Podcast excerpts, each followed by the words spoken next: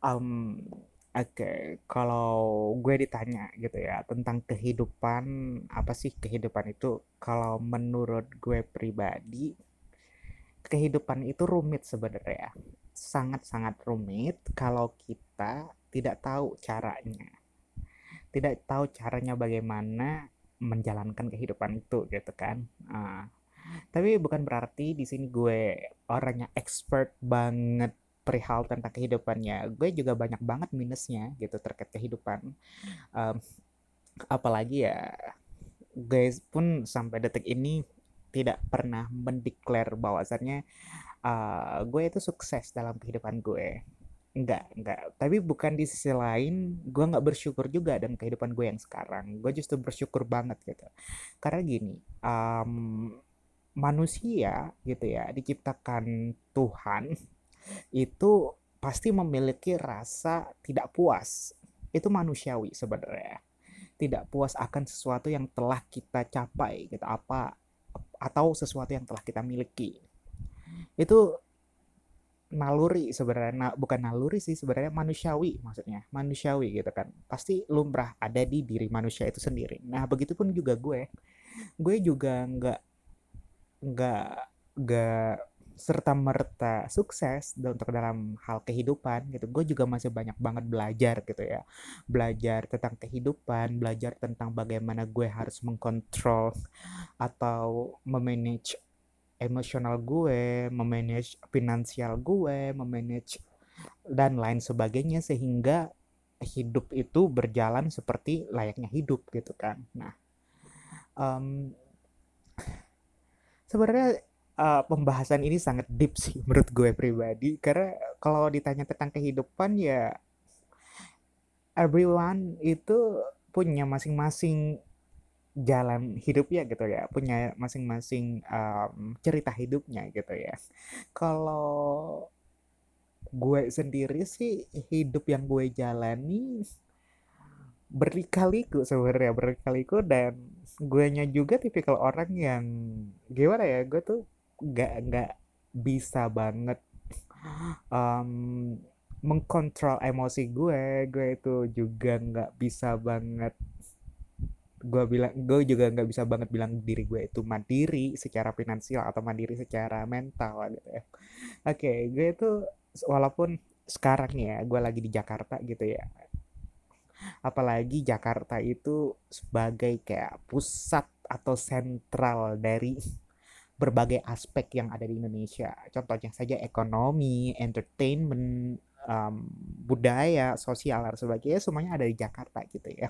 Jadi awal banget gue ke Jakarta itu sendiri, gue juga enggak uh, gue awal banget ke Jakarta itu gue mikir kayak oh gue ke Jakarta loh dan jadi kayak ada semacam prestise abal-abalan lah istilahnya kayak kebanggaan diri sendiri buat riain atau pamerin ke teman-teman atau kolega kolega sekitar gitu ya.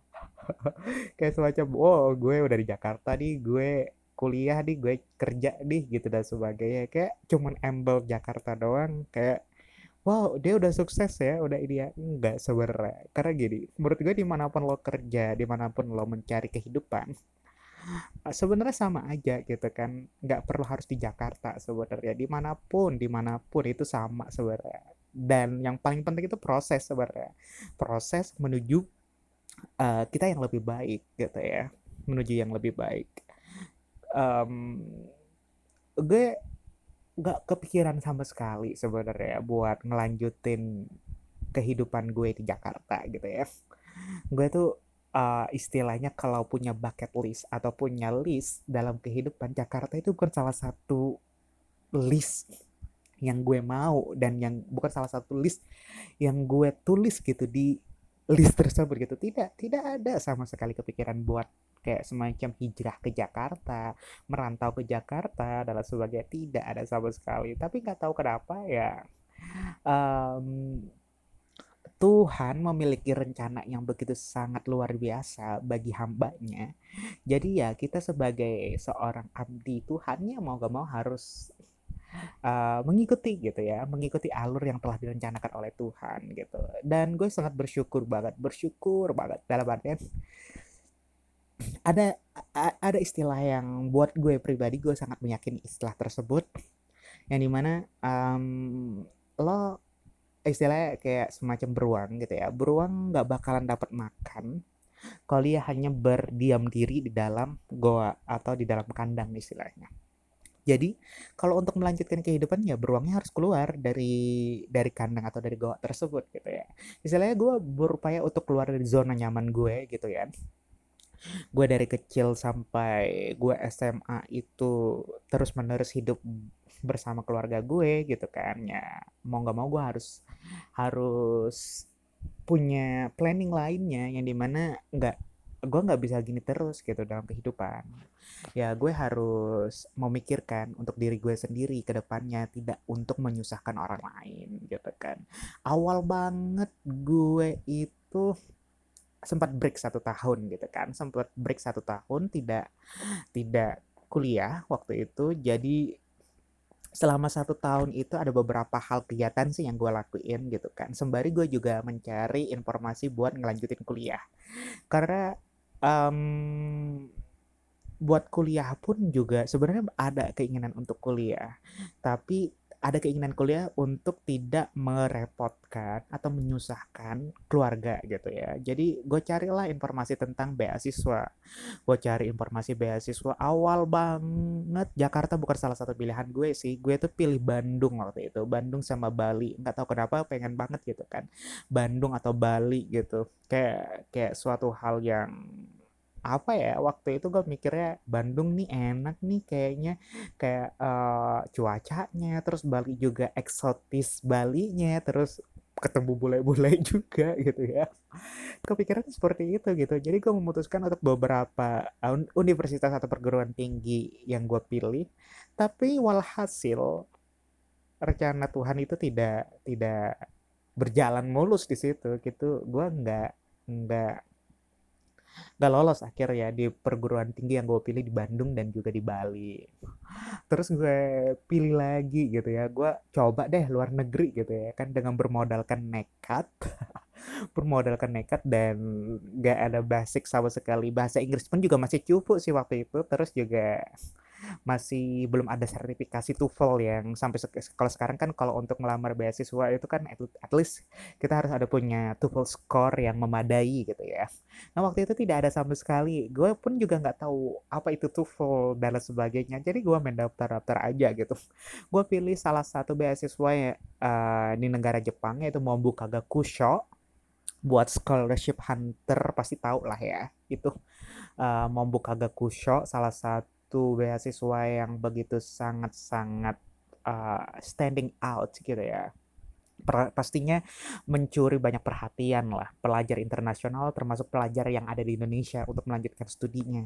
Gue ngambil tuh gitu kan beasiswa itu eh hey, gitu. Tapi ternyata gue gagal bro. Gagalnya kenapa? Ya ya tadi bermodalkan nekat lo nggak punya TOEFL score sertifikasinya terus juga nggak punya basic bahasa Jepang at least ya ada ada ada levels tersendiri gitu kan. Kalau untuk uh, di negara Jepang pun juga mereka berkuliahnya kegiatan sehari harinya pun juga menggunakan bahasa Jepang ya. Otomatis ya gue harus mau nggak mau harus bisa bahasa Jepang. Tapi realitanya gue nggak bisa sama sekali bahasa Jepang. Kecuali cuma kayak hai hai hai gitu doang. Jadi gagal gitu di situ. Terus ya udah deh Bismillah gitu kan. Gue cari lagi informasi tentang beasiswa Alhamdulillah gue ketemu tuh informasi beasiswa di salah satu universitas swasta di Jakarta. Gue coba aja gue coba gitu kan. Gue coba ya alhamdulillah itulah salah satu sarana gue atau gerbang gue buat ke Jakarta. Dari situlah gue mulai kehidupan gue di Jakarta. Gue mulai berkuliah gue mulai uh, mengenal tentang kehidupan ibu kota seperti apa ya maklum lah ya kan. Gue itu dari pedalaman banget gitu pedalaman banget dalam artian gak pedalaman uh, dalam artian um, komunikasi pun juga terbatas komunikasi secara menggunakan media ya seperti handphone, internet dan sebagainya pun juga masih terbatas gitu. Dan juga masih ada ada ada apa ya aroma aroma uh, primitif lah bukan primitif sih kayak udik gitu loh ke Jakarta pertama kali ya otomatis logat gue bukan logat yang kayak sekarang gue ngomong gitu kan logat gue ya benar-benar kental logat daerah gue gitu. Orang Jakarta pun pasti tahu lah ini orang daerah pasti nih gitu. Nah lambat laun berjalannya waktu seiring waktu ya gue bersyukur banget setelah gue kuliah di Jakarta gue alhamdulillah sekarang gue kerja di salah satu universitas swasta di Jakarta juga. Sempat sebelumnya juga pernah jadi penyiar radio tanda kutip abal-abalan dalam artian ya gue nggak terlalu serius banget di bidang itu sebenarnya tapi pengen gitu kan tapi nggak serius-seriusan dalam artian ya waktu itu gue masih fokus ke tugas akhir sih skripsi gitu kan jadi kayak nggak mau terbengkalai aja gitu kan. Skripsi ya udah sih kelarin studi dulu deh baru kerja gitu kan. Mau nggak mau gue harus mengorbankan untuk melepas pekerjaan sebagai penyiar radio dan gue lulus akhirnya gue dapat tawaran kerja di universitas swasta di Jakarta dan gue ambil kesempatan itu gue magang. Itu waktu itu magang sih tepat tapi magang berbayar gitu kan. Magang berapa bulan? Enam bulan delapan bulan hampir setahun kurang lebih gitu kan. Nah gue keluar gue resign karena kayak mau mikir aduh kalau gue magang kayak untuk kebutuhan hidup gue sendiri Jakarta nggak memadai gitu kan. Ya udah gue coba uh, buat masuk ke salah satu uh, bukan universitas maaf perusahaan perusahaan telekomunikasi. Gue coba masuk di sana tapi ya gue lemah bro. Lemahnya dapatnya ya gue tuh bukan tipikal orang yang mudah beradaptasi. Justru susah gitu kan buat beradaptasi apalagi dengan lingkungan yang baru gitu. Susah banget gitu kan. Jadi kayak gue tuh nggak belum bisa move on dengan pekerjaan gue sebelumnya gitu. Ya udah gue resign terus gue cari informasi lagi di tempat kerja gue sebelumnya. Alhamdulillah akhirnya ada lowongan. Ya udah gue coba apply lagi until this time alhamdulillahnya gue sam, uh, masih bekerja di tempat yang menurut gue gue nyaman di situ gitu kan. Gue juga punya lingkungan yang sangat sangat suportif banget gitu ya. Sangat walaupun kompetitif tapi suportif juga gitu kan. Tapi nggak bener-bener kelihatan banget nyikut menyikutnya gitu loh gitu kan. Nah ini banget gitu kan. Jadi gue tuh sangat bersyukur banget gitu bisa bekerja di tempat sekarang.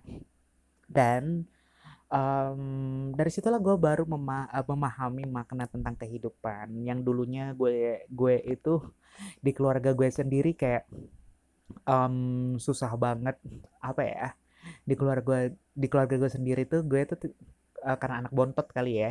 Anak bontot terus juga uh, terpaut jauh juga usia dan kakak-kakak gue. Kakak gue kakak-kakak gue itu sering banget kayak semacam uh, meng meng mengapa ya istilahnya kayak memotivasi juga mungkin iya gitu. Tapi pada saat itu gue gue mikirnya itu bukan motivasi sih sebenarnya kayak semacam eh lo harusnya kerja dong gitu karena sebenarnya itu juga dorongan buat gue untuk bisa bekerja gitu. Tapi waktu itu gue masih tipikal orangnya kayak ah, enggak ah masih mau fokus belajar dulu ini itu. Jadi kalau bisa ya belajar belajar aja kerja kerja gitu kan. Sampai kakak-kakak gue itu kayak semacam lo harus punya keterampilan ini itu setidaknya ketika lo di dunia kerja itu nggak kaget gitu kan. At least ya biar lo juga punya istilahnya mandiri secara finansial juga istilahnya kayak kakak-kakak gue pun juga nggak nggak bisa serta merta terus menerus memberikan uh, fasilitas keuangan ke gue gitu kan. Nggak mungkin nggak bisa gitu kan.